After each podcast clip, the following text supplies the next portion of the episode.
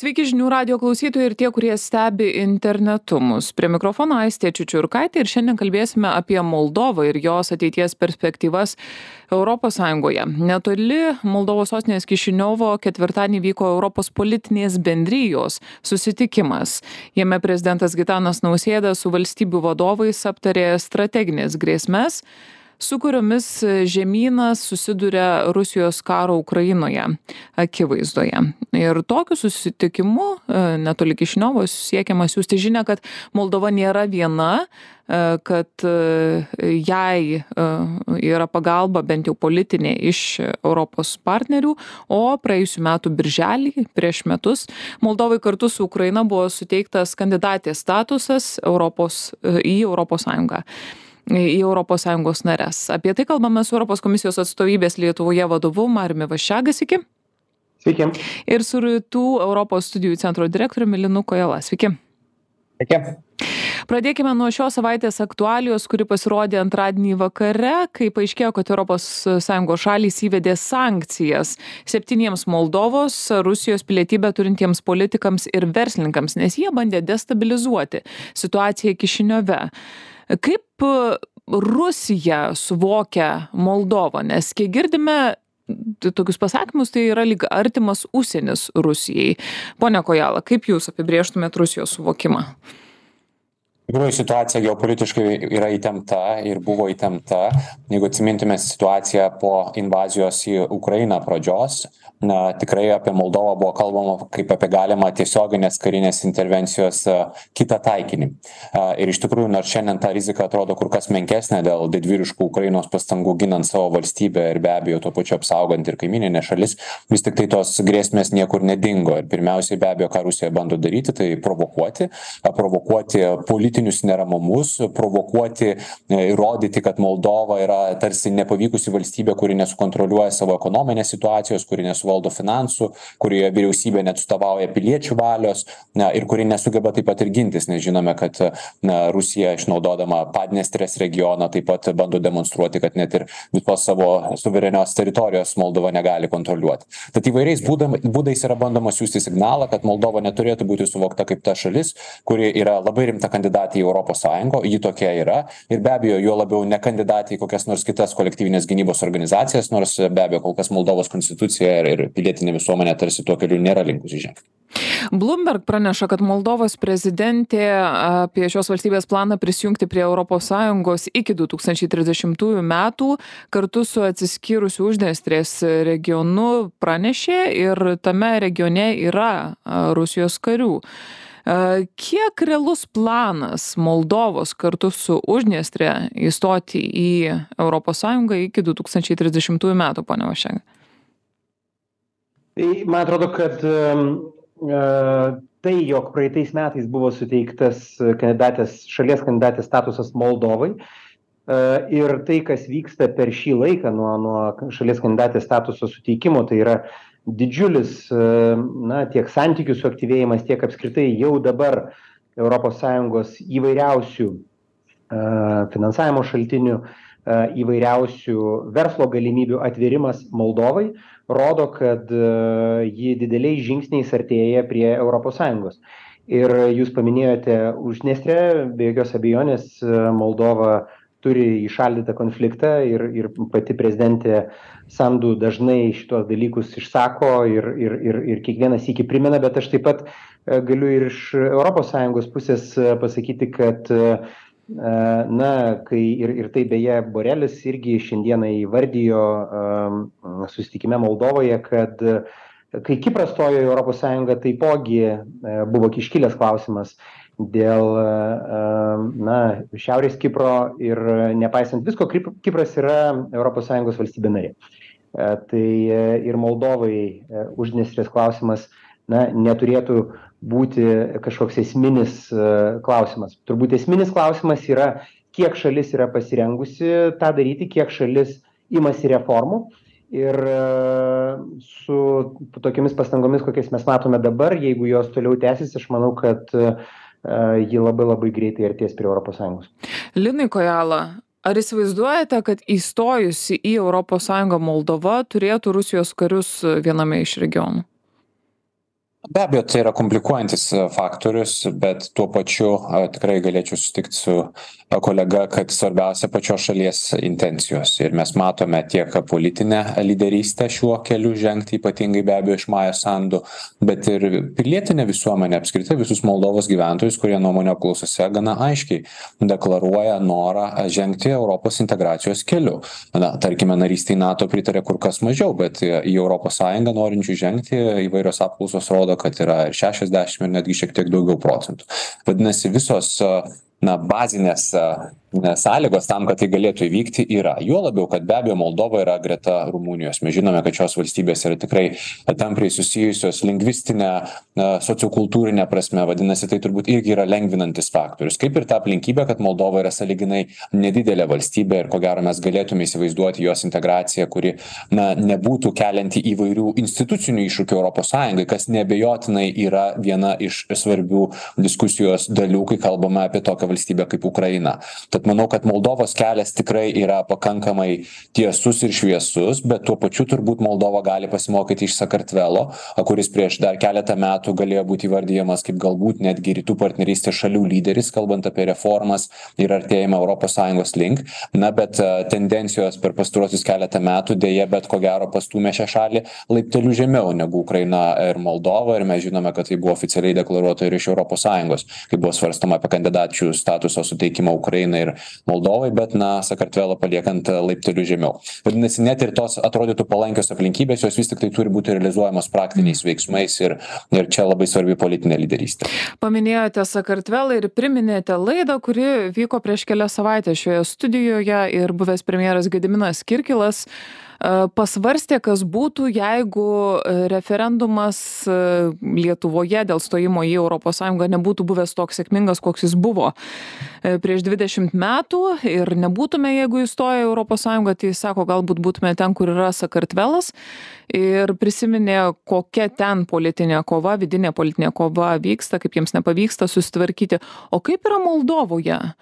Ar yra kažkas panašaus? Ar vis dėlto ten e, pagrindas yra nusiteikęs pro e, europos sąjungos e, pro europos sąjungos įstojimo dėl dėl įstojimo į europos sąjungą pone kojala šiuo metu politinė situacija yra tikrai palanki europos integracijos krypčiai. Jeigu žvelgtume į parlamentą tikrai yra dauguma kuri palaiko šią kryptį ir tai leidžia daryti progresą leidžia stiprinti valstybę visomis kryptimis ir kovojant su korupcija ir ir investuojant daugiau į gynybą. Žinome kad moldova buvo na tikrai labai nedaug lėšų gynybai skirianti valstybė ir su didele europos sąjungos tiesiogine parama na tai galėjo pakeisti ir ir didinti savo taip pat ir saugumo a situaciją. Bet bet kuriuo atveju politiškai šiandien situacija yra palanki bet mes tikrai ne vienerius metus diskutavome apie tai kad moldovoje ir yra ir kita pusė kuri dar visai neseniai turėjo ir savo prezidentą igorį dodoną a kuri tikrai turi ir politines partijas reprezentuojamas parlamente. Reikia pripažinti kad ta nelengva ekonominė situacija tas atsisiejimas nuo rusijos energetine prasme kurį realizuoja dabartinė moldovos vyriausybė ta kova su korupcija ji taip pat nebūtinai yra vien pozityviai vertinama gyventojų kuriems be abejo svarbūs socioekonominiai veiksniai ir na matome kad vyriausybės populiarumas šiuo metu nėra labai aukštas tas vadinasi tikimybė kad tos prorusiškos jėgos galėtų sugrįžti į valdžią į vieną ar kitą instituciją ji tikrai išlieka ir tai ko gero primintų situaciją kurią mes moldovoje deja bet jau esame matę anksčiau. Bet tuo pačiu na reikia pripažinti kad šalies atsparumas taip pat didėja ir reikia tikėtis kad nepasikartos tokios didžiulės krizės ir nelaimės kaip kad pavogtas milijardas a dolerių kurie tikrai gerokai sumenkino beje ir kai kurių politinių jėgų kurios tarsi oficialiai deklaravo savo provakarietišką kryptį reputaciją ir tam tikra prasme prasme ko gero apsunkino moldovos kelią europos sąjungos link. Pone vaščega čia kelis kartus paminėtas buvo nelengvas nelengva ekonominė padėtis ir vis minima kai kalbama apie moldovą ir jos galimybes įstoti į europos sąjungą kaip galima greičiau spartinant tą procesą kurio nori ir ši šalis ir ukraina po to kai buvo paskelbtos kandidatėmis. Kiek prasta ekonominė situacija moldovoje yra rankinis ar nerankinis stabdis stojant į europos sąjungą tai aš aš manau kad pirmiausia mes turime nepamiršti jog prasta ekonominė padėtis yra taip pat susijusi ir su tuo kad moldova yra šalis kuri yra na šalia karo iš principo. Samitas apie kurį kuris vyksta kuri šią savaitę moldovoje jisai vyksta na prie pat ten mažiau kaip du šimtai kilometrų nuo odesos ir tiktai keliasdešimt kilometrų nuo ukrainos sienos. Ir tas veikia labai stipriai taip pat ir moldovos ekonomiką. Tai šito reikia nepamiršti kad laikotarpis yra toks kad na žinot čia turbūt reikia labiausiai vertinti pastangas pačios šalies o ne tiek pačią situaciją nes ne viskas nuo nuo nuo pačios moldovos šiai dienai priklauso. Tai pirmas dalykas. Antras dalykas rusija šiuo atveju taip pat imasi eilės hibridinių veiksmų ir jie susiję ir su energetika. Mes jau matėme pačioje europoje energetikos panaudojimą tokiais kariniais hibridiniais žalos darymo tikslais iš rusijos pusės. Tai tas yra dar labiau matoma moldovos atveju. Tai vėlgi nepalengvina jos padėties tai šiuo atveju pagrindinis dalykas kurį darome iš europos sąjungos pusės visa tai suprasdami tai norime absoliučiai padėti moldovai ir ta pagalba yra susijusi tiek su ekonominiais dalykais tiek su biudžetine parama tiek ir su tiek ir su energetikos sistema nes kaip žinia moldova kartu su ukraina jiems na sinchronizavom juos su sąjunga bet tai ne viskas. Tos atakos kurios daromos prieš ukrainos energetikos sistemą taip pat kenkia ir moldovos energetikos sistemai tai čia yra dar papildoma parama. Na ir trečias dalykas kurį kuo mes labai stengiamės šiai dienai padėti moldovai tai padėti jai kovoti su kišimosi į jos demokratinę sistemą ir su jos atsparumu. Ir čia kaip tik šią savaitę buvo pradėta tokia speciali misija iš sąjungos kuri kaip tik padės tvarkytis su su saiber kibernetiniu saugumu ir kuri padės didinti jų administracines galimybes jų pačių kovoti su užsienio įsikišimu ateinančiu šiuo atveju iš iš iš rytų iš kremliaus tai aš manau kad šios priemonės tikrai padės moldovai toliau eiti tuo geru užsibrėžtu keliu kuriuo ji šiuo metu eina Paminėjote susirinkimą šią savaitę ten vykstantį ir čia su kolegomis svarstėme prieš laidą, kas per darnys yra Europos politinė bendryje, kuri ir yra susirinkusi šią savaitę Moldovoje. Galbūt jūs galėtumėte paaiškinti, ponia Užšega. Taip, tai yra visiškai naujas dalykas, kuris susitinka, na, antrąjį sykį, prieš tai susitiko Prahoje, dabar susitinka Moldovoje, toliau susitikimai yra numatyti Ispanijoje ir, ir, ir dar vienas Londone. Ir čia yra toks naujas darinys, kurį, na, vadinčiau tokiu Europos politinės erdvės tokiu formavimu. Jis nėra apie kažkokius tai ten kažkokias politikas kaip tokias, bet daugiau bendraminčių būrys, kuris šiuo atveju yra labai simboliškas. Nes jeigu pasižiūrėtumėme į, į tas valstybės, kurios ten susitinka ir labiausiai pastebėtumėme, kokios dvi kitos Europos valstybės, kurios ten nedalyvauja. Ir tos dvi Europos valstybės, kurios ten nedalyvauja, yra Rusija ir Baltarusija. Dėl to šio darinio simbolizmas ir jo būtent simbolizmas šiuo sudėtingu Europos saugumui laikotarpiu yra labai labai svarbus.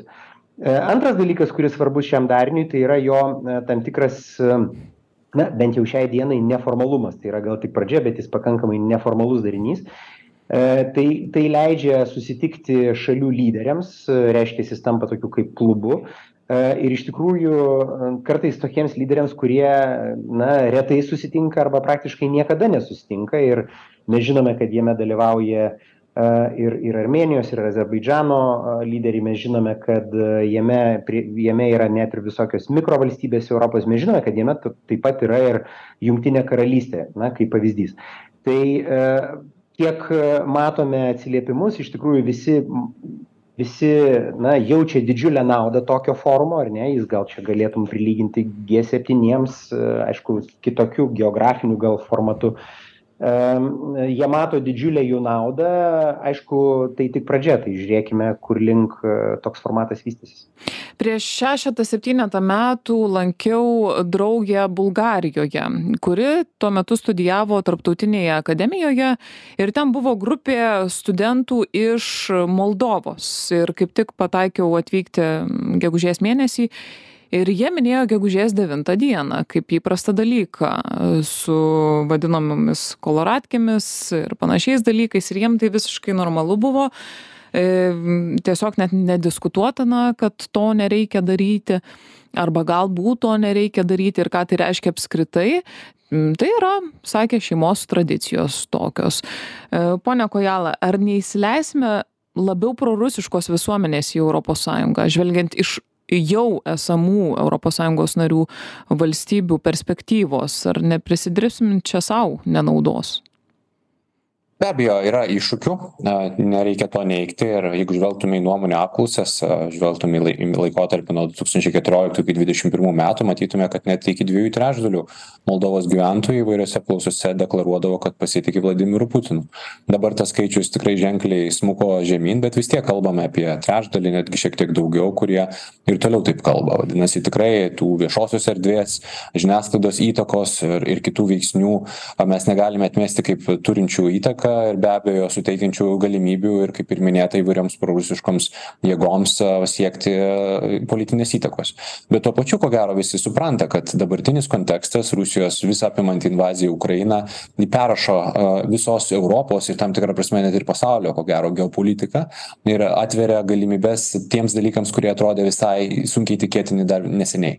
Tai prisiminkime juk ir moldovai kandidatės statusas į europos sąjungą buvo suteiktas jau prasidėjus invazijai kartu su ukraina nors dar tokiais du tūkstančiai dvidešim pirmaisiais metais ko gero mes būtume radę ne tiek daug vakarų europos lyderių kurie būtų entuziastingai palaikę šitas idėjas. O dabar net ir prancūzija pavyzdžiui kalba apie tai kad reikia plėtros. Taip reikia priimti naujas nares nors prancūzija visuomet garsėjo tuo kad na tarsi nori gilinti esamą europos sąjungos integraciją bet ne ieškoti naujų narių bet aišku susieti tai su vidiniais europos sąjungos instituciniais procesais. Tai tikrai yra atsivėręs galimybių langas ir ir jokia išeitis nebūtų palikti šalį nuošalyje todėl kad na toje visuomenėje yra grupių kurios galbūt šalies geopolitinę ateitį įsivaizduoja kitaip. Juo labiau kad su jomis dirbant parodant kaip gali būti vystomasi ekonomiškai kaip gali būti žengiama po kokiu politiniu keliu kokios būtų to pozityvios pasekmės kalbant apie ekonominį augimą aš manau kad tie na skeptikai arba žvelgiantys į į kremlių pozityviai jie taip pat galėtų pakeisti savo opiniją kalbant apie saugumą šios valstybės ir galimą pagalbą iš europos sąjungos ir nato